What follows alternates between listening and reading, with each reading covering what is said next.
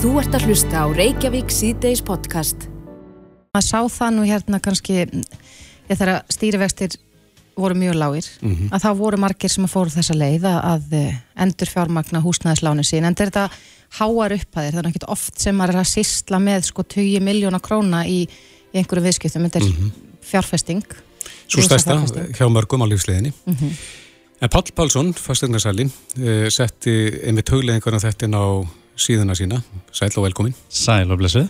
Þú ert að vekja aðtekla á þessu og þetta skiptir gríðarlega máli að, að skoða þessi mál annars slæðið.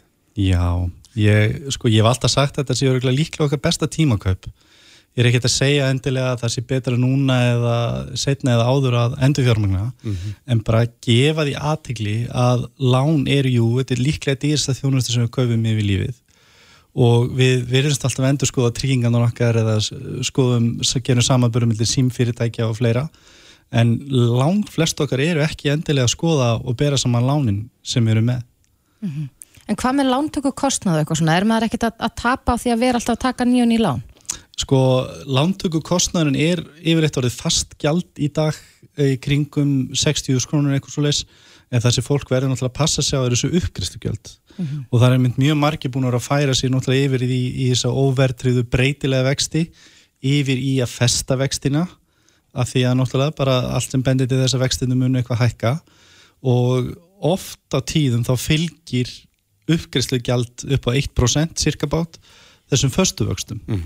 Og ég er nú bara einn af þeim sem er, hef haldið mig áfram við breytilu vegna að ég náttúrulega er aðeins að fylgjast með þessu út af, af uppgriðslugjaldinu meðal annars. Vegna þess að það er líka kostnar alveg svo vextir Akkurat. Er ekki uppgreifslu gjald af lánu með breytilega vexti? Nei, Nei.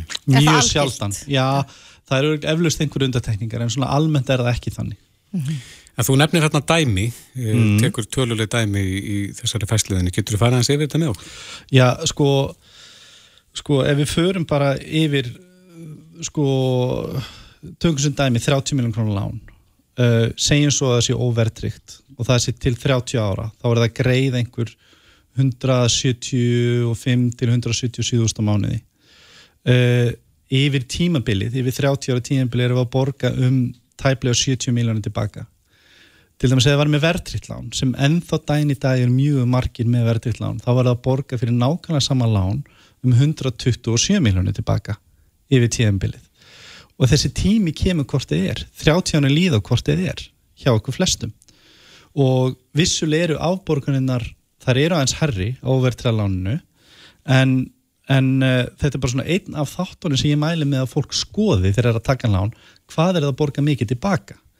Og eins líka náttúrulega mögulega að borga sig að stýtta lánið sem ef við tekið þetta sama lán upp á 30 miljónir til 30 ára ef þið stýttir lánið um 5 ár hækki áborgunum 12 miljón nei, 12.000 krónar á mánuði þá er það að spara svona sirkum tæplega 10 miljónir Já, upp er staðið. bara í að, að hækka áborgunum um 12.000 krónar á mánuði.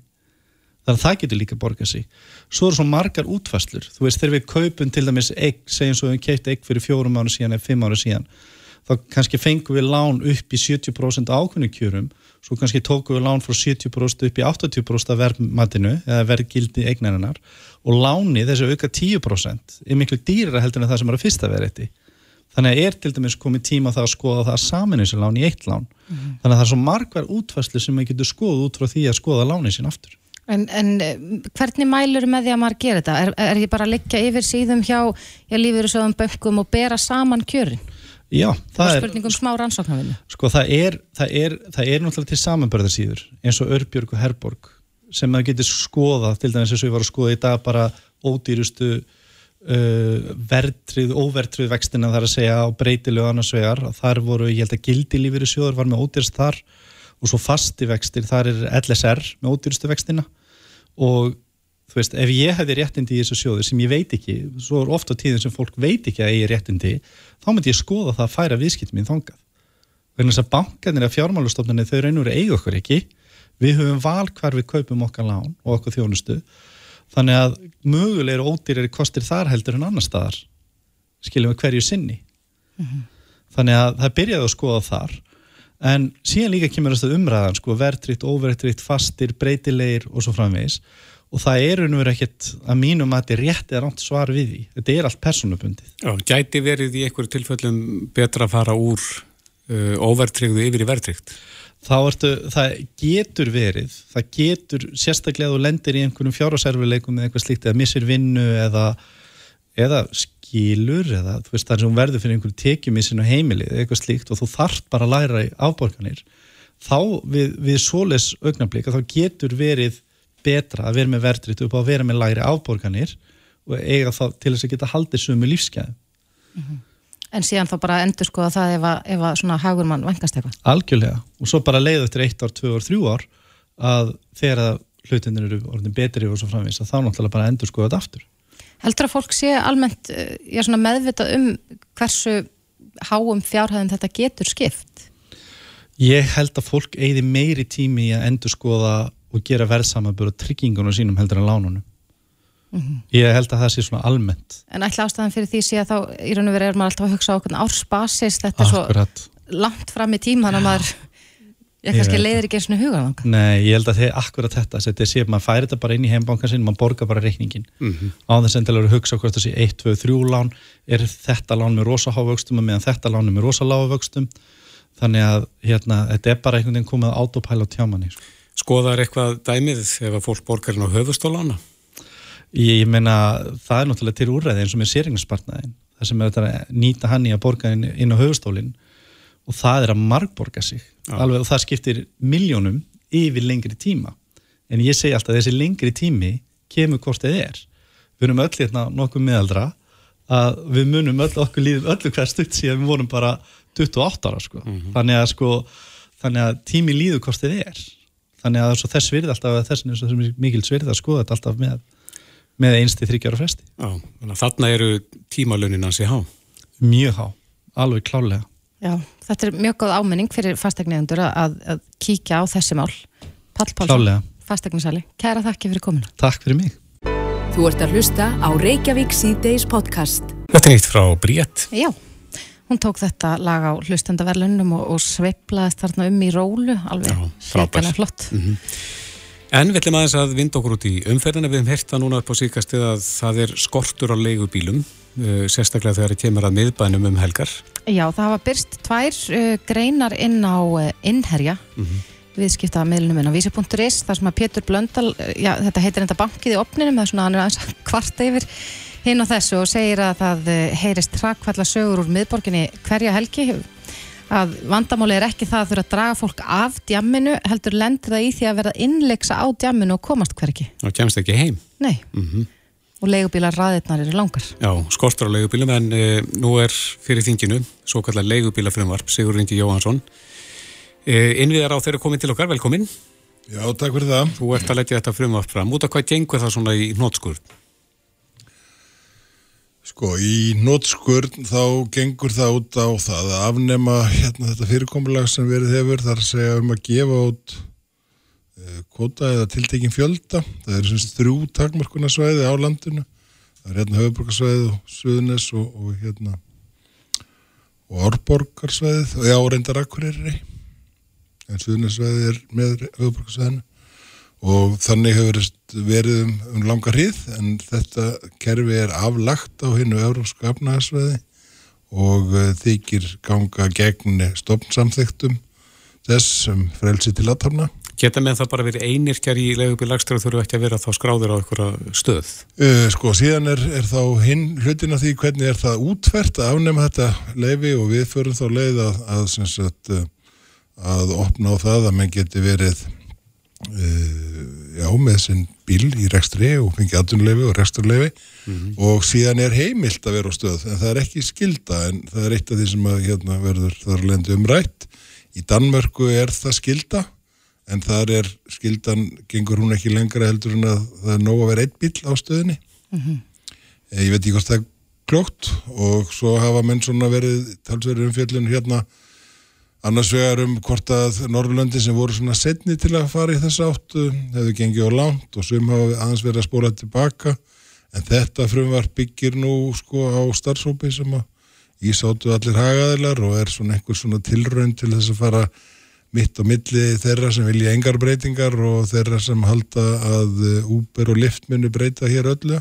Þau geta sem sagt starfa hér svo fremið að þau bara uppfyllir sömu skildur og skilir þau aðrir en það er ekkit sérstaklega verið að opna það.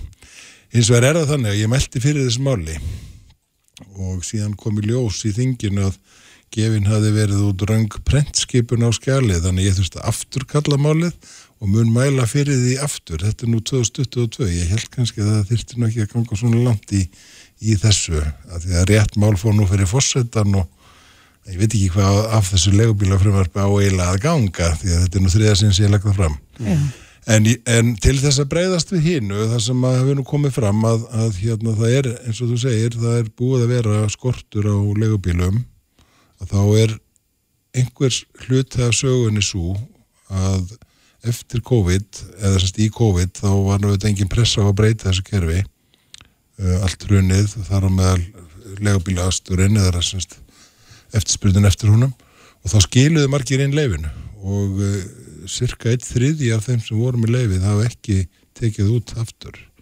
Þannig að ég hef beðið samgangastofu um að, að fara yfir hvort við getum ekki gefið út þá einhver viðbótar leifi núna til þess að reyna að á meðan við erum í þessu gamla kerfi að reyna að uppfylla eðlilegar þarfir markaðarins og svo vonandi kláran þingin og einhverjum tíðanpunkti hættir að vera í þessum hérna hægagangi sem þeir í núna það sem ekkert er afgreitt stjórnaranstæðan er eiginlega bara með þingið í gíslingu í einhverju málþófi og fundastjórn þess vegna gæti ég nú kíkt hingað sko ég átti að vera nýrið þingi en það er bara látlust verið að tala um eitthvað annað og öll máltekin í gíslingu En, en segur Ingi, hvernig, sko ég, ég grænslaðist nú aðeins fyrir inn á vef alþingi svo ég sá það að voru fjölmargir sem sendur umsagnir og, og meðal annars sko, já, Seyvill og Frami og fleiri. Hvernig, hvernig líst leigubílstjórum á þessa breytingu? mörgum hverjum líst ekkert á þetta uh, og hérna finnst þetta vera vísir af því að, að breyta kerfi sem þeir hafa búið við lengi og ég hef skilning á því. En þeir sátu vissulega í starfsofnum og fengi að koma tóltið að uh, undirbúningnum. Og mér finnst við hafa gert, uh, farið svona reynd að fara bílbeggja og hlusta tóltið á þeirra sjónamið um öryggi farþega. Hvernig verður það tryggt, ekki farþegar? Já, það er svona, er hérna verið gerð krafa og ég vil gengi lengra um, um, um hérna um orðspor þeirra sem að fá leifi Er það að tala um sakar Við tala um sakaskrá og ég vil gengi lengra heldur en í núgildandi lögum hvað það varðar. Hvernig Þannig það? að, Já, þeir, þeir sem hafa hlotið dómir varðar kynferðisbrot eða slikt get ekki fengið slikt leifi Mhm. Og það er til þess akkurat út að ég, ég tók eftir því í þessum umsögnum að það voru fjölmargar fréttir erlendis frá dregnarinn inn í þetta þar sem að já, kynferðsbrot Er- hefði átt sér stað til dæmis hjá Uber eða Lyft. Þetta er auðvitað þjónustaf sem að er hérna viðkvæma því leituna að það er- ofta einstaklingur í, með öðrum í bíl og stundum á tímum sólarinsin sem er svona kannski ekki hefbundin og, og jafnvel ekki alltaf í, í hérna í besta ástandinu og þá verður geta treyst bílstjóranum og ég held við sem að reyna að ganga þess langt og við getum í því að, að, að það verði klárlega þannig. Og svo snýr þetta líka þá að rekstrarlegum þáttum. En að það er auðvitað hefur verið gaggreind að og mér minnir að það hefur fallið dómur í, í hérna Örbjörnsambandinu um að, að, um, að Lyft er ekki sem steili kerfi heldur eru þeir flutningafyrirtæki. Og þurfa þar að leiðandi að vera undirgangast sömu reglur, skatta og skildur og auðvitað hefur það verið bent á það eins og, eins og mörg önnur af þessum fyrirtækjum booking og hvað þetta heitir nú allt saman sko, að stór hluti fari úr löndunum þessum stafsminn er til legandana og greið ekki skatta.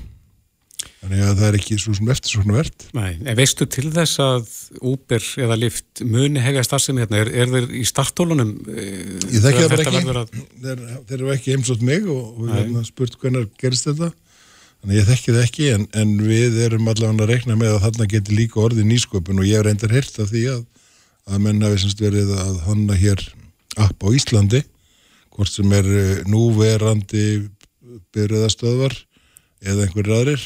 Íslenskt Uber. Já, í raun, kannski, eða, eða nota sömu uh, hugmyndafræðið í tækninu og, og ég held að það verði nýsköpun, ég held að það muni koma einhverju fram sem að muni bara keira á rammaspílum og, og eitthvað slikt sko, ég held að það hljóti að verða svolítið til neygin, en það sem þetta opnar á í, frá því sem er í dag að í dag þartu í raun og veru að verðt skildugur af því að þetta er svona lokað kvótakerfi, þá þartu að hérna keira í alla daga nema eldið 35 eða úrstu sumafríi. Þetta mun opna á hlutastörf uh, og þannig að þeir sem til að mynda að treysta sér kannski til að vinna 50% vinnu eða 70% vinnu þeir hafa ekki getað orðið eh, álýsingabilstjórar eða verið í legubílastri en þeir gætu það núna og í þessu jafnbrettismati okkar sem við erum alltaf með við frumvörp þá er það líka tali líklega að konur muni fjöl, muni fjölga í stjettinni við það að það sé ekki krafa um 100% eh, viðveru. Þetta er auðvitað hark, þetta er tegur langa tíma, það er ekki allt það er ekki, ekki öfunnsverðir, það er ekki þannig það er ekki ástæðan fyrir að við erum að breyta þessu, við erum bara að breyta þessu kannski í takt við svolítið nútíman og reyna að gera nútímalegar kröfur um þessa þjónustu. En hvaða skilir þið verða gerð? Mér hefur nú hert að því að, að einhver hafa sagt að þetta verði mjög kostnarsamt leifisferli og svona eitthvað tyrfið að, að, að fá tilskynning leifi eftir ef þetta fyrir fyrir gegn. Já, þú getur semst annars vegar fengið semst aðtunleifi sem bílstjár og hins vegar rekstra leifi til þess að reyka bíliðin sem og þá ertu þá með tvö leifi og svo get þá er líka í logunum möguleika að fara í gegnum þessi stöðvarleifi og stopna stöðvar eða núvarandi stöðvar geta farið þongað inn. Og auðvitað er það þannig að til þess að kynna þig og halda utanum það sem þarf að halda utanum hvort sem er nú bókaldi eða eitthvað annað þá er það öruglega þannig að það er hagkvæmara fyrir einhver að koma saman og, eða vera á stöð sem fyrir er, er þetta kostar auðvitað allt saman. Mm -hmm. Við nefndum hérna í inganginum þetta ófremdar ástand sem er í miðbænum um helga núna Hvað segir innniðar á þeirra um, um þetta ástand og hvernig er hægt að laga þetta? Já, ég er bara sammálað því að það er ómulegt og ef að ástæðan er svo að það sé alltaf eitt þriðji hérna leifana sem er ennþá inni, sem að setja inn í COVID, þá þurfum við bara að gefa út ný leifi og ég óska eftir samgust, að samgust og að fara í það og það er bara í, í umsagnarferli og þá hafa menn jafnvel, ég heyrði Frankvæmstur Reyvils verið að tala um 180 eða 200 leifi. Mm -hmm það getur nú verið talsbreyting á En eh, já, ef þér tekst nú að mæla fyrir þessu einhver tíman Já, aftur. Aftur, uh, ertu bjart síðan á að þetta já, svona hljóti breytagengi inn á þinginu? Já, ég held það nú sko. Ég hafði, auðvitað, annars vegar skilning á því þetta kom fram fyrst að þá var það svona þá var búinn til svona dálháað í kringum þetta, það voru svona tveir hópar sem að, annars vegar hópurinn sem vill fá úper og liftingað og hins vegar hópurinn sem vildi ekki breyta neinu og þeir voru svolítið að slást síðan kom COVID og það var engin pressa minni hálfu að, að, að hérna, koma hlutum kannski svona breytingum í gegn. Auk heldur var auðvitað ekki þetta að leggja það á alþingi að vera með, með þeir voru auðvitað meir í COVID-málum. En e, núna erum við bara konið gegnum þetta. Þannig að núna þurfum við bara að fara að horfa inn í framtíðin og þetta er eitt af því sem við þurfum að gera. Þannig að ég er bjart sín Einmitt, Sigur Ringi Jóhansson, innviðar á þeirra Kæra þætti fyrir komina Takk að bjóða mér Þetta er Reykjavík C-Days podcast. Samfélagsmiðlar hafa logað núna í nokkra daga út af uh, píptestum. Já. En uh, það vakti aðtekli hér fyrir helgi að umbásmaður barna hafi beinti til uh, barnamálar á þeirra mm -hmm. að uh, hætta með svo kallu píptest eða svona þólspróf í grunnskólum. Einmitt. Þetta er náttúrulega bara álagspróf eða í raunin þólpróf eins og segir, mm -hmm. hvar börnin standa að því leiti. Og við fengum til okkar íþróttakennari hér fyrir helgi sem var ómyrkju máli. Já, mjög svo og hún, hún í raun og veru gaggrind umbúrsmann barna fyrir það að, að sko, já, kannski annars vegar að eigi ekki sko samrað við þann hóp við íþróttakennara mm -hmm. uh, áður en að slikt er lagt til og svo að já, treysta þeim ekki fyrir því að vera faglega í sínu starfi. Já. En umbúrsmann barna, Salver Nordaleg komin til okkar, kom til sæl. Blessu og sæl. Já, þess, það, bjóstu við því að það myndi verða svona mikil umræða um þetta, þessa tillögu þína? Nei, ég bjóst nú kannski ekki alveg við því að þetta er svona mikil umræða en, hérna, en á sama tíma þá svo, svo, getur maður alltaf átt vona því og hérna, þetta er auðvitað mál sem greinlega brennur á mörgum. Mm -hmm. Og ekki síst íþróttakennur, menn hvað viltu segja við þessari gaggrinni sem að hefur komið fram? Já, sko það er ákveðið miskilingur á ferðinni. Það er þannig að, að það er hlutverk umbásmanns batna að koma sjónum með batna á framfæri. Mm -hmm og við höfum auðvitað heyrt þetta frá mörgum börnum og, og foreldrum að, að óanega með þessi píptest og þetta er ekkit alveg nýtt sko, þetta er verið svona undarferðan ár. Og það er bara mitt hlutverk þegar svoleiðis kemur upp og við heyrum þetta svona víða að að koma því á framfæri við stjórnvöld. Og sem dæmi, menna við erum nýbúin að halda batnaþing og þar koma alltaf alls konar tillögur og við bara komum þeim á framfæri stjórn, við, við stjórnvöld eins og við getum. Mm -hmm.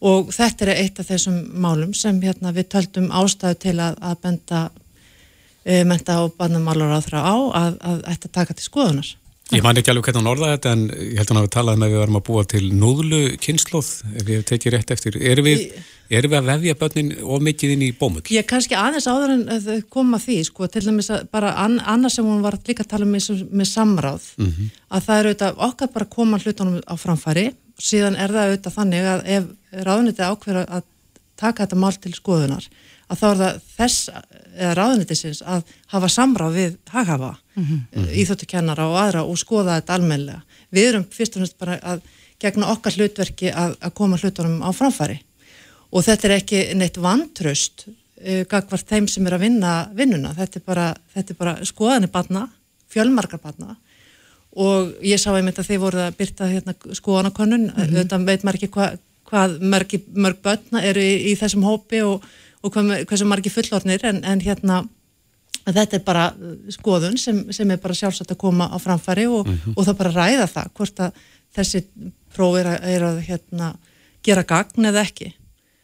Og hvort að þetta sé heppileg aðferð fyrir hérna, í reyfingu barna til að mæla þól Já, ég meina, ég er alltaf ekki, sko, ég hef auðvitað ekki neina fórsendu til að meta nákvæmlega hvaða aðfyrir eru góðar eða slæmar í hérna í í íþróttukenslu frekar en annari kenslu en það er bara mjög eðlilegt að það sé verið að fjalla um bæði markmið með námi mm -hmm. í einstaklega greinum og leiðirna sem farnar eru og til dæmis bara eins og við tökum bara aðra grein sem er mikið rætt um eh, hérna, er lestur og það er verið að tala um að rakandi lestra kunnáttu barna og mingandi getur þeirra til að lesa og mingandi áhuga að lesa bara svona sér til ánægu mm -hmm og þá kemur auðvitað þetta, þú veist hvaða aðferðir við erum að nota? Og það eru auðvitað skipta skoðanur um þar aðferðir sem við tömst notaðar í reslakjænstu og það eru er til dæmis þar próf allavega höfum víða þar sem við erum að mæla lestra hraða og þá er spurningin, er það góð aðferð til að, að, hérna, að meta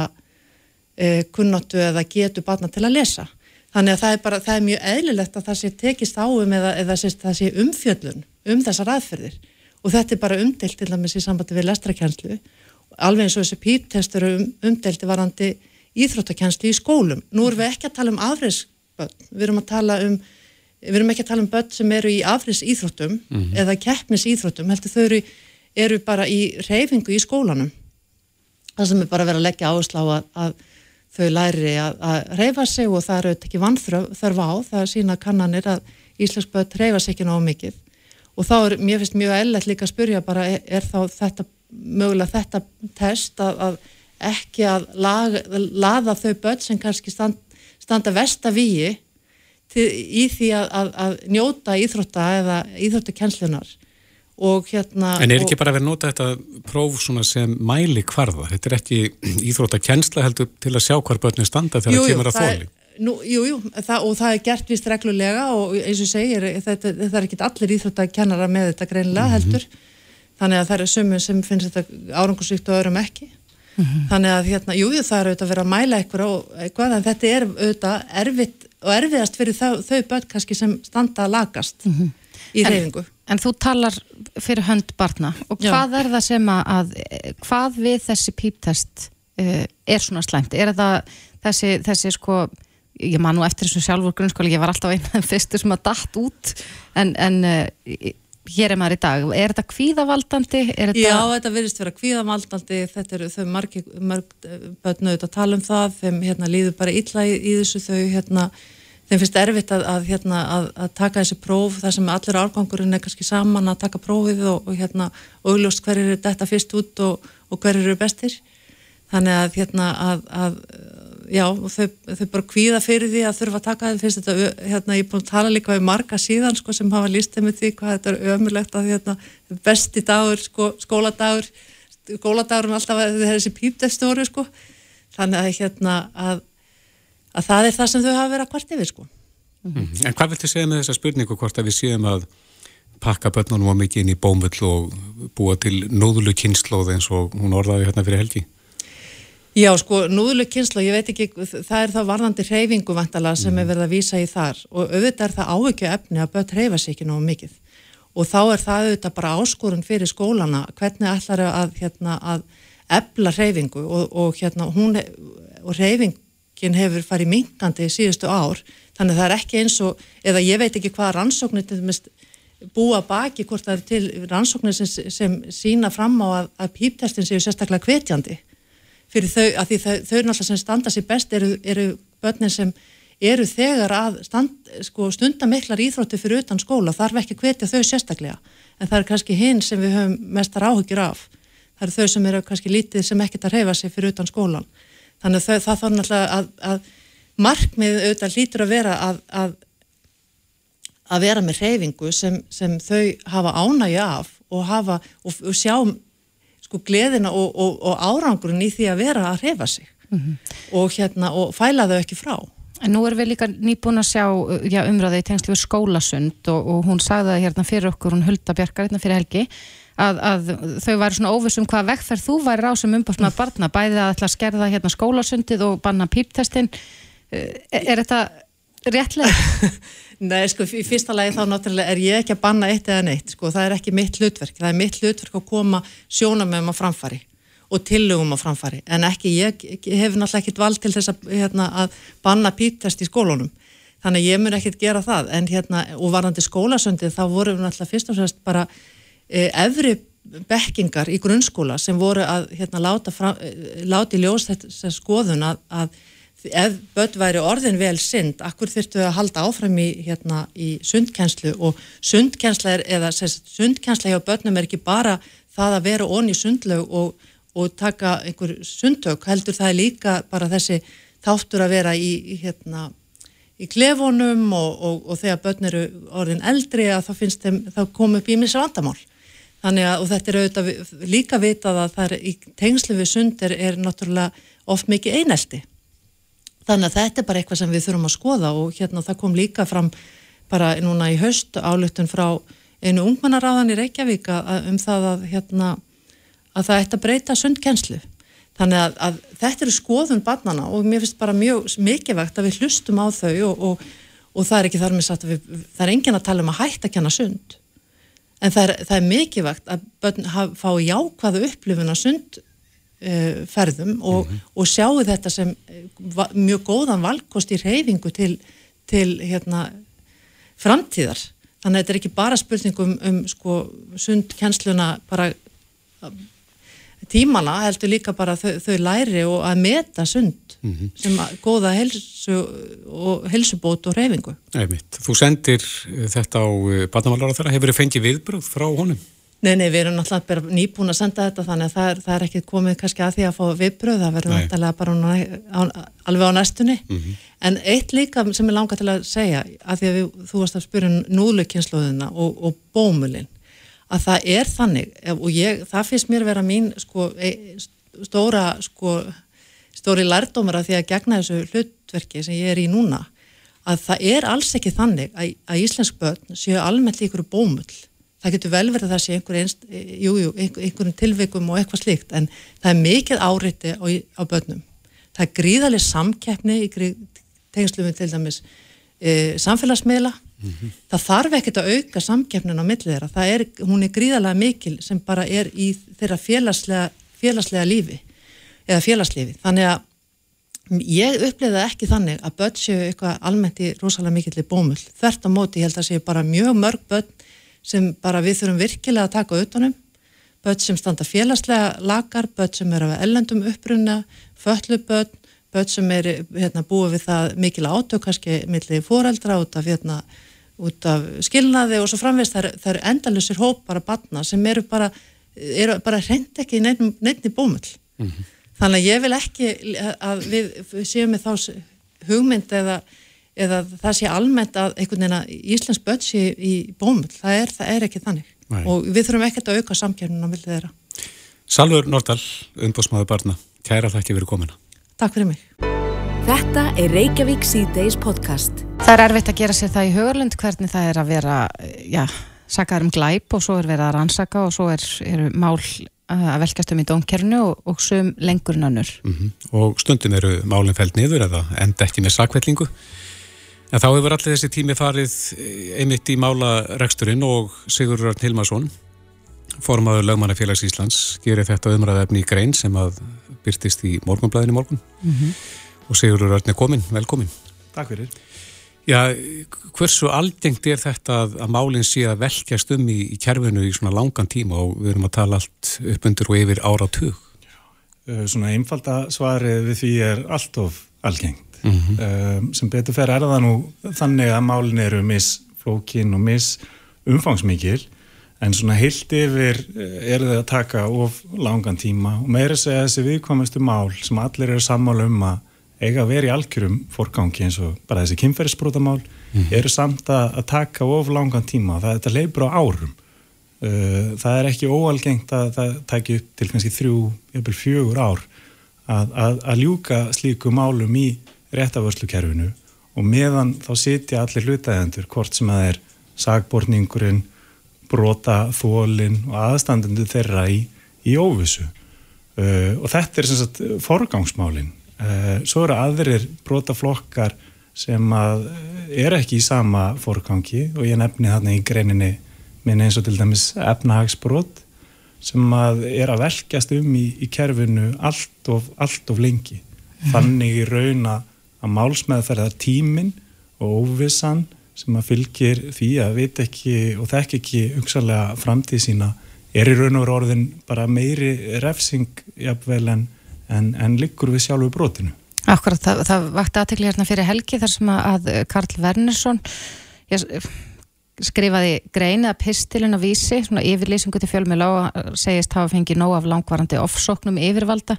Er þetta svona raunin fyrir þessa aðila sem hafa verið eins og þarna er 14 ár uh, af hans lífi? Ég, ég þekki svo sem ekki, ekki málið hans en ég get talað sjálfur bara hafandi unni sem lögmaður í, í 12-13 eh, ár að, eh, og, og, og svona í, í, eftir, eftir hrunið allt og, og svona eftir mála þess að þetta er allt og allt og algengt. Og það er enn mál sem að varða reynilega bara hrunið sem við erum að sjá koma fyrir réttar kerfið okkar og, uh, og þetta er svona sérstaklega eins og ég segi, sérstaklega slæmt í þessum, þessum efnaðasbrótum það sem að málinn eru vissulega flókin en þetta er að mínu viti algjörlega óásættanlegt. Er engin tímarami sem að mönnum er settur að menn þurfa að klára málinn á einhverjum ákveðinu tíma? Hann er matskendur En það er mælt fyrir um það í stjórnarskráni okkar og mannvenda sáttmálunum að, að menna ég að rétta réttlátri málsmeðferð og fljótvirk málsmeðferð er þá hluti hennar. Þannig að það er nú einfallega mælt fyrir um þessi réttindi í okkar svona grunn, grunnlögum. Er þetta síðan tegjanlegt hugtak? Þetta er tegjanlegt hugtak en, eh, en það reynir því miður á það bísna oft og við sjáum þegar ég undirbúningi þessa að rita þessa grein mína á skoðaði dóma landsréttar með líkilorðinu dráttur og máli og þeir voru 36 mm -hmm. það sem að þá í raun og veru er dráttur og málun og valda sko refsi lækun Akkurat, það hefur verið mjög ábyrrandi í umröðinni sérstaklega kannski tengslu, tengslu við kynferðsbrota að já, jafnvel þó að, að viðkomandi sé fundin segur að þá, þá lækkar refsingin að einhver leiti út af því að, að það hefur tekið svo gríðarlega langan tíma Já. innan kervisins. Já, og þá eru þessum viðmiður lög, lög til grundvallar að, að dómararnir og þáttakandirnir í kerfinu sjálfu og þarna hafa, sjá að þarna hafa hlutinni farið úrskeiðis og málsmeðferða tíminn sjálfur sé þá aðrið sem að þurfa að horfa til við ákvörðun refsingar. Og það ættu þetta aldrei að koma til þess en það er eins og segi því miður bísna algeng. Kjærfið þreytist ekki, þeir hafa nægan mannabla til þess að reka málun áfram og stundum geta sko menn dóttið út úr rannsóknu og annar kemur inn og tekur við en sagbórningur er alltaf einn og hérna undir þessari rannsókn mm. þegar að málur er síðan fælt niður eða enda með síknu er eitthvað í myndinni að fólk fái bætur fyrir þennan langa tíma? Það er uh, sjálfnast. Það er eiginlega einna helst ef menn hafa sætt einhverjum þvingunar ráðstöfunum. Það getur verið símallerana, gæsluvaralsúrskurður og annað.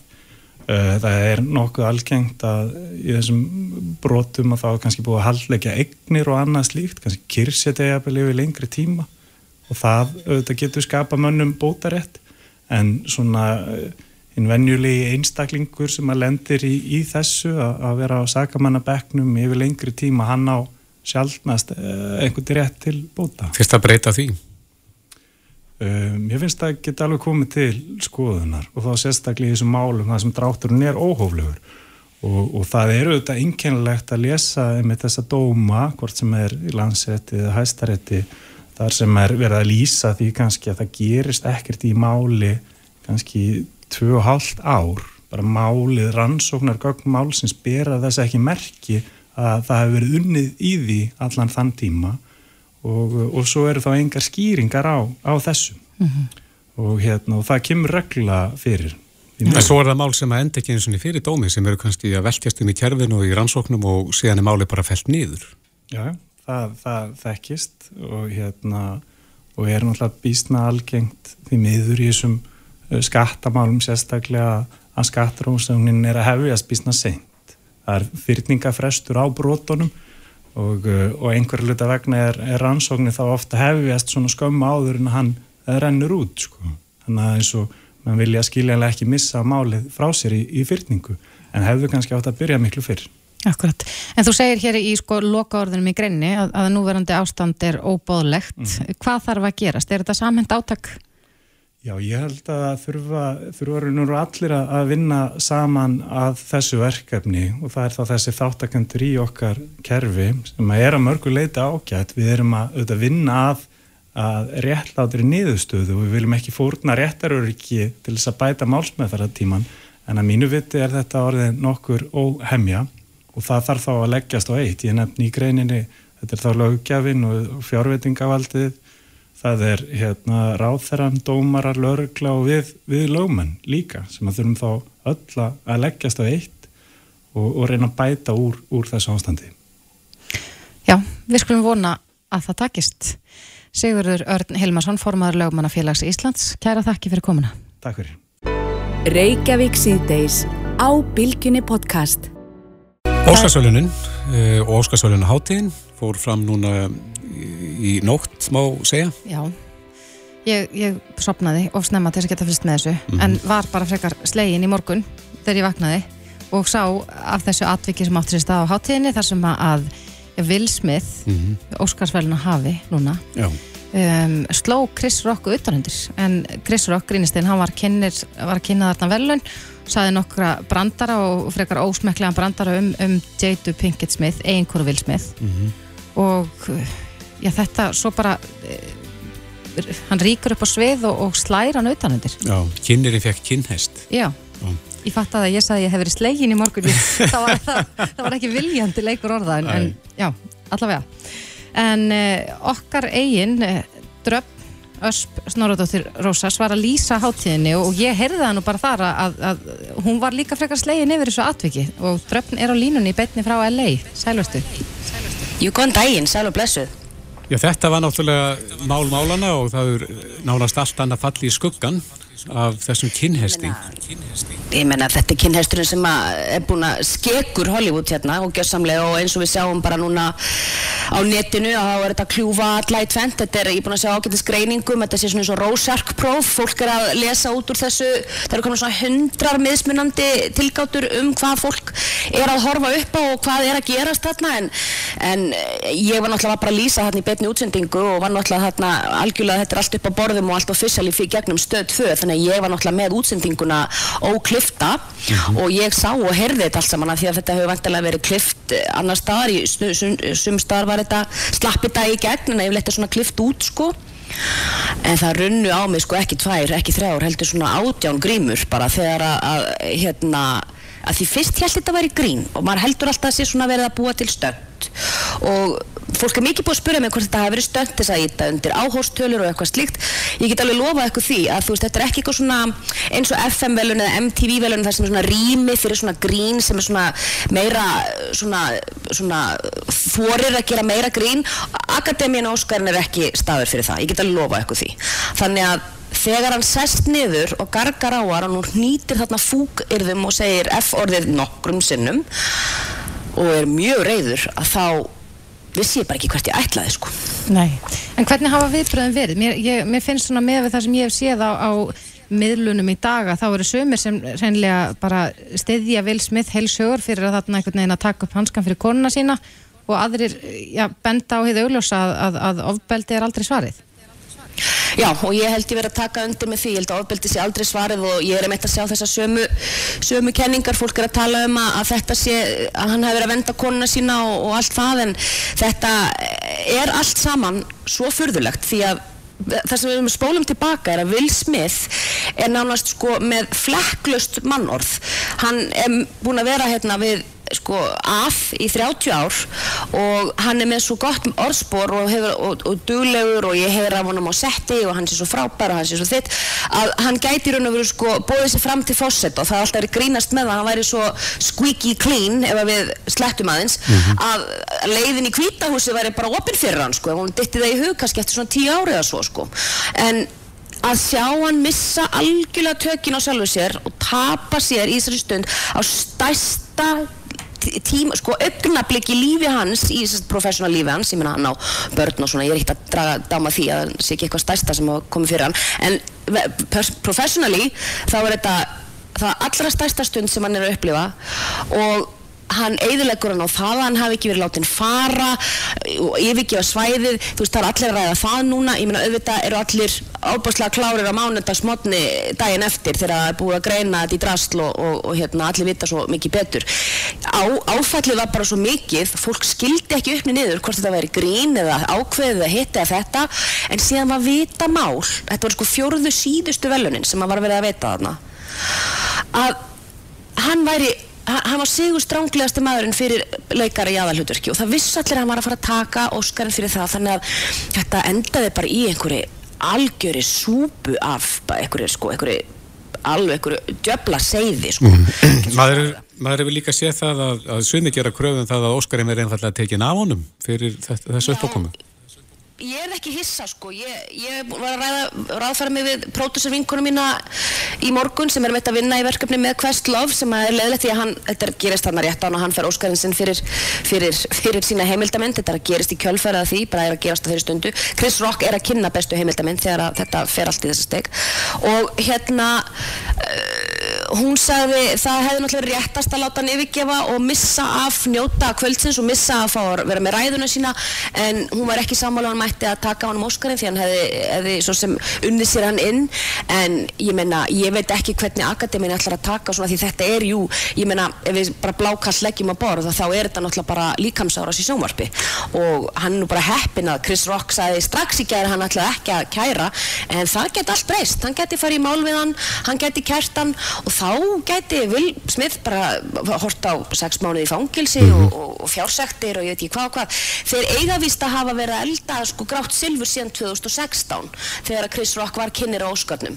Það var hann að hnýta í og gefa skíti í, í Will og Jada Pinkett Smith því að þá var Jada ákveða mæti ekki Óskarinn því að hann var svo kvítur það árið. Mann ekki hvort að fólk mann eftir það var hérna Oscar so white var svona hashtag sem gekk því að það vantaði að svart fólk væri tilnemt bara í öllum flokkum og fólki var misbóðið og hún neitaði að mæta og þá var hann kynir og var svona að gefa skíti í það og, og það er svona verið að, svona verið að gera mat úr því að að sé eitthvað svona, eitthvað svona eitthvað kýt þarna á milli hans og Chris og hafi kannski bruggaði lengri tíma en Denzel Washington átti held í flottustu línu kvöldsins þegar hann sagði við, við Will Smith að þegar þú ert að þínum hæsta tindi að það er akkurat tímapunktuna sem að djöðullin ætlar að koma og neppa þig í álög sko þannig mm -hmm. ég mhm. held að það hafi ekki verið fjari lægi þannig gerð sko Hefði, hefði viðbröðin verið önnur heldur þú ef að þetta hefði ekki verið Chris Rock sem að sagði þennan brandar og, og verið slegin heldur hinn kynirinn, kona?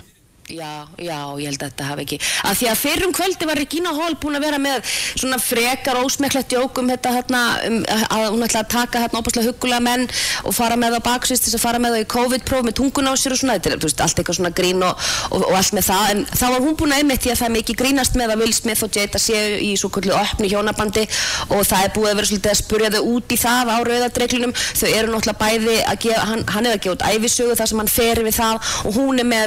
þau það á að að Facebook sem heitir The Red Table og uh, Rauðaborðið. Og þau ræða þetta þannig að auðvitað þegar þú ræðir þessi mál ofinbeglega þá ert að bjóða fólki að taka þátt í þeirri samræðu og, og hafa skoðun á því. Þannig að þau hafa verið spurð svona núna í velunaháttíðunum hvernig vil og þetta hafi verið með hérna, kærastana, hlýðarkærastana hennar eitthvað svona. Þannig að þetta er einhver pottur sem er sjóðandi alltaf undir. En ég held að ef að einhver annar hefði verið með hann brandara því að hann hló fyrst, við skulum ekki aðtikla á því. Og það var ekki fyrir hann snýrið sér að Jade og hún ránkvölfur augunum að honum finnst hann einhvern veginn tilknúin knúin til þess að bjarga hefri konu sinnar og þá með ofbeldi sem er algjörlega, ég bara ég hefði búist við þessari hefðun frá Já, ég held að ef ég ætti að, vera, ætti að giska fram í tíman þá hefði ég öruglega verið um svona hundra manns að þetta hefði verið Will Smith. Mm -hmm. því að í alvörunni krakkar, hann er tíunda, sko hann er á topp tíu lista yfir frægustu manneskum í heimi. Skiljiði Akkurat. Þetta er ekki eitthvað svona starfsmar á plani sko, þú veist, hann er svo glóbal í frægur sko, það er svakalegt, ég menna, blafa fulltrúan hans og þau er all hágrátandi þarna í sko auðlýsingarljónum, þannig að ég sá strax að þetta var ekkert grín sko, Nei. verður ekki, þetta verður dilkur eftir sér, þetta verður skelvilegt sko. Akkurat, ég sá það nú bara rétt á þann á miðlunum að, já, samkvæmt einhverjum heimildum eru þeir búin að sættast og það eru til myndbönd af, af Will Smith bara að dansa og djama í partíi með stittunum sína, þannig að, en það verður forvitinlegt að fylgjast með því hvaða áhrif þetta mun hafa ég meina bærin logar því miður það sem er leiðilegast af þessu öllu krakka mínir það er náttúrulega það að það er enginn að fara að tala um neitt annað varðandi þennan Óskar. Það er ekkert að fara að tala um Arina de Bó sem er fyrsta samkynniða latínókonan sem vinnur þann flokk. Það er enginn að fara að tala um að Kóta vann eh, það er jú alveg að fara að tala um það en, en þetta verður Óskarinn sem er frægur fyrir að Will Smith sló Chris Rock utanendir það er uh, nokkuð víst. Akkurat, Dröfn Ösp Snoradóttir Rósas í beitni frá LA Kærar þakkir fyrir þetta Reykjavík síðdeis á Bilginni podcast. Það eru allskynnsmál sem að hafa uh, verið í fréttum. Já. og stundum sittum maður ennþá eftir með stórt spurningamerkju enninu. Mm -hmm. en uh, nú ætla konur tvær að leysa þetta vandamál. Já og uh, með þætti Já. podcasti sem er farið í loftið og er að vekja því líka aðtegli í dag. Akkurat, þetta hlaðvarp heitir Eftirmál og það eru þær Þórildur Þorkelsdóttir og Nating Guðrún Jaki sem að vinna að því. Komið sælar. Hæ, hæ. Já, er þetta ekki svolítið það sem þið ætlaði að gera? Svona að reyna að varpa ljósi á aðrar hliðar eða fara að stýpra í mál sem að hafa áður verið í fréttum? Jú, ég held að þetta sé bara ákvarðat það sem við ætlum að gera meðal annars en við ætlum líka að tala um þessi mál sem að einhver hlutu vegna sitja í okkur saman á mannamáli og jú eins og segir reyna að komast að eitthvað nýju og, og varpa að ljósa eitthvað nýtt. Mm. Þessi mál eru líka sko, þau eru oft rosalega flókin og stundum gerast þau yfir mjög langan tíma þannig að maður missir algjörlega þráðin þannig að getur verið mjög áhugaverst að taka þau saman og, og fólk svona já, ummitt þetta gerðist, já, byrju, heyrðu þetta var líka í þessu máli og við erum náttúrulega algjörir frétta lúðar við natin þannig að við tölum sjálfar sko bara sem vinkonur rosalega mikið um fréttamál okkar mm. á milli bara yfir bjóri eða kaffi eða hvernig sem það er sko mm. þannig að þetta er eiginlega bara það sem við gerum best Og fyrsti þátturinn hefur vætið miklu aðtekli eins og ég sagði. Þeir eru þar að kafa eins ofinni mál sem að vakti miklu aðteklu sínu tíma. Mm -hmm. Fjárkónamáli. Emitt, en eh, hefur ekki verið rætt um lengi. Akkurat. Akkurat. Og ég held að við verið margir búin að gleyma þessu máli og eiginlega hvaða var svona bara farsakent eila mm -hmm. þetta mál. Já. Þannig að þau viðbröð sem við hefum fengið í dag er að fólk hafi mjög gaman að þessari hlustun. Já, þetta að er fjárkónamál þannig við ríðum þessu upp uh, Sigmunda Davís. Já, 2015 þá sagt, voru sýstur, sýsturnar Hlín Einarstóttir og, og Malin Brandt sem gerur tilhörn til að kúa 8 miljonir út úr fórstsýra mm. og á þeim tíma var það Sigmundur Davíð og hann hefur ekki tjáð sig um þessa atbyrðarás fyrir hann, hann hitti okkur fyrir nokkrum vikum við fórum að hittum hann á uh, skrifstofu miðflokksins í Hamraborg og áttum bara mjög gott spjall mm -hmm. Og bara ótrúlega gaman að heyra hans upplifun af þessu öllu bara auðvitað er hann bara maður eins og ég og þú og þetta er bara fjölskyldan hans og allt þetta þannig að þetta er bara virkilega áhugast En hvernig var það fyrir ykkur? Þið unnuð báðar í fjölmjölum á þeim tíma sem þetta mál var til umfjöllunar og, og hann hefur svona var aðeins að svona, íta í það í þessu viðtali að, að já, hann var kannski ekki alveg sáttu við hvernig fjölmiðlar bröðust við mm -hmm. Var einhver eftirsjá af ykkar halvu þegar þið lítið tilbaka og heyrið svona hans upplifun af þessu? Nei, ekki beint. Ég, ég, allan að við tala fyrir mig nei, sko. nei, ég, ég skil alveg ég skil samt alveg hvað hann var að segja í þættinum, ég meina hann er, hann er sárið við því að það hafi verið talað um þetta máli í svona hæðnistón og, og fjölmjölar hafi svona gert grín þegar, þegar það kom í ljós hverjir þetta voru sem umrætti en ég skil hann alveg að því að ég eins og kemur í ljósi í þessum þætti, ég veit ekki alveg hvort ég að segja hvað kom í ljósi í þessum þætti. Að, veist, þessi hótun var, ja, hótun var mjög alvarleg og ég menna það kom aldrei fram á sínum tíma en hún beindist gegn e, eh, þryggjara dóttur hans meðal annars. Þannig að ég skil alveg hans upplifun en fjölmiðlar höfðu ekkert þessi svör á sínum tíma. Nei, hefðu kannski ekki alla vittneskuna sem að verum að heyra núna mm -hmm. og líka það var þessi svakalegi viðbúnaður lögröklu. Þeir fara þarna út í hraun og dölbúa sig sem mosa sérsveitamenn. Mm. Þetta er bara, ég man ekki eftir að hafa hýrstum um svona aðgerðir bara Svagalegt. á Íslandi sko Nei. og liggja það sko tímanum saman þegar þessi afhending á að fara fram þá vita þær ekkert hverjar á bakvið þessa hótun, hvort það séu bara einhver ellend glæpagengi að hvað. Og eins og Sigmundur jafnvel held að því að þetta brefa bara vel skrifað og þetta var allt voða vel planað og útfært og svona þannig að þú veist eins og hann er að lýsa fyrir okkur, hann, hann vissi ekkert, þetta hefði geta verið eitthvað glæpagengi og svo er hann líka lýsaði fyrir okkur sem er svolítið gaman, þú veist hvernig var þið við þegar þú fegst símtalið og fegst upplýsingar um þetta við þessar tvær konur sem mm -hmm. hann þekkt úr fjölmiðlum? Akkurat. Skiljið Já, við hvetjum alla þess að hlusta á þáttin ég hlusta á hann í morgun og bara gæti ekki lagt frá mér hirtantóluna meðan á því stóð. En hvað var þetta margir þættir í, í eftirmálum sem þetta ætla að gefa út? Það er ekki alveg komin lokatala, þetta verða kannski Það verður svona sex þættir í já, fyrstu seríun Við erum allan að koma mjög vel á veg með já, það. já. Hvað verður næst? Svo bara tökum við svolítið stöðuna, við ætlum að hérna, hleypa þessu svolítið út í kosmosið og, og við erum allavega, það vantar allavega ekki áhugaverð fréttamál mm. og við líka tökum öllum ábendingum fagnandi ef að fólk eh, er með eitthvað sérstök mál í huga eða einhverja nýjar upplýsingar eitthvað svoleiðis, þá er það náttúrulega bara geggjað. Mm.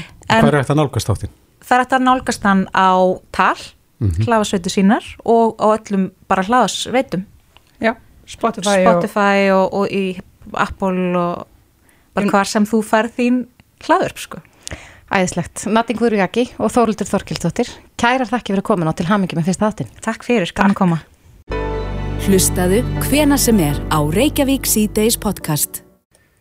Á fyrstu daginn þá rættu við meðal annars eh, fyrirhugaða rafkrónu sem að Sælabankin hyggst koma fót Akkurat, þetta var hansi áhugavert samtal sem við áttum við sérfræðing í eh, rafmyndum mm -hmm. og þar kom hann aðeins inn á sko, kostnað við greiðslu miðlun að það væri ja, gríðarlegar fjárhæðir sem að mhm. fara í það hreinlega að færa peninga á milla meðan að það... Og hafa millikvöngum það? Akkurat, mm -hmm. og að, að það væri nú þá viðskiptabankanir eða kreditkortafyrirtækin hver sem er sem að myndir nú já, kannski tapa á því mm -hmm. ef, að, ef að þessi rafkróna væri komin á lakirnar að við getum milli liða löst fært peninga á milli. Já, og ef við stiljum þetta rétt að þá er engin íslensk greiðslumiðlun til í dag uh, erlendir aðeinar hafa keft þessa greiðslumiðlanir mm -hmm. en við fréttum að því að reiknastofa bankana hafa nú verið með uh, á, í smíðum í það minnst eitthvað svona kerfi. Akkurat. Á línunni hjá okkur er Ragnhildur Gerstóttir, forstjóri reiknastofa bankana. Komdu sæl. Já, sæl. Við fengum nú post eftir þetta skemmtilega viðtal hér fyrir helgi þar sem að uh, okkur var bent á að það væri reynilega ekki, ekki bara rafmynd sem væri leiðin til að losna við þennan auka kostnað. Heldur það að kostaðurinn er ekkit að millifæra pening á millitvekja reikninga í kerfin eins og þeir í dag. Voru þið mm. með í pípunum einhverja lausna á þessu? Sko er, er þetta þannig hérna í dag er þetta grunngreifslun í Íslandi byggis náttúrulega þessum innlána greifslukerfum sem eru hjá okkur sem er alltaf millifæstur og millibanka. Það var fyrir nokkurum árum, svona fjóri-fimm árum, þá var í svona í þróun lausning kallaði skript og sem er rauninni byggi bara á þessum grunn millifæstlum en væri hægt að framkoma til dæmis gegnum síma. Já, hvernig uh, gekk það fyrir sig þá? Já, þetta var rauninni bara hugmynd sem var hérna hjá okkur en við erum þetta fyrst og svona innviða fyrirtæki þannig að það byggði á því að bankarnir og fjármála fyrirtæki myndi vilja nýta þessa lausn og svona það var alltaf ekki, ekki áhug fyrir því á þeim tímupunkti en það er náttúrulega mjög áhugast að þessu sælubankin náttúrulega og, og raunni hérna, fjármálastöðuleika ráð og fleiri er að tala um að það sem mikilvægt hafa alveg algjörlega innlenda greiðslulitt á Íslandi. Það var náttúrulega debitkortakerfið, var alltaf rauninni innlend greiðslulitt en það er rauninni allt farið núna í gegnum greiðslukortaskinin Örlandi. Þannig að þetta er sjálfsög kannski ekki droslega flókið, þetta er svona til við Erlandi, svona Skandinavíð, þá eru svona lausnir en þannig að þetta er svona meira allir sammælum að maður nota sumu lausnina, þá var alveg að gera þetta. Mm -hmm. Þetta kvitt kerfið danska, er búið að salta það hjá ykkur?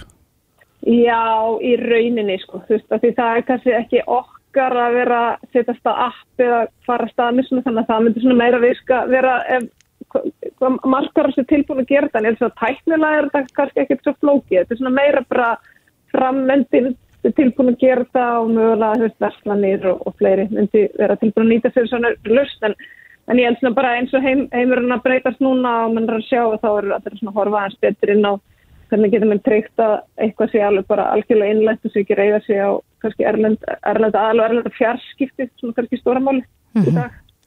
En þetta væri líka ja, frekar stort mál fyrir neytendur.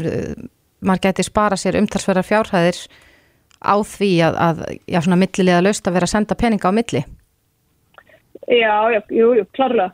Og, en, en auðvitað með allt svona, byggjast við náttúrulega bara á, á streyfingunni og vera kannski með eina laust sem allir, allir hérna eru tilbúin að nýta. Þannig að það kostar líka auðvitað að þróa og reyka svona laust. Þannig að það er kannski meira svona markaðan komið saman um einhver eina laust og, og keira hana. Mm.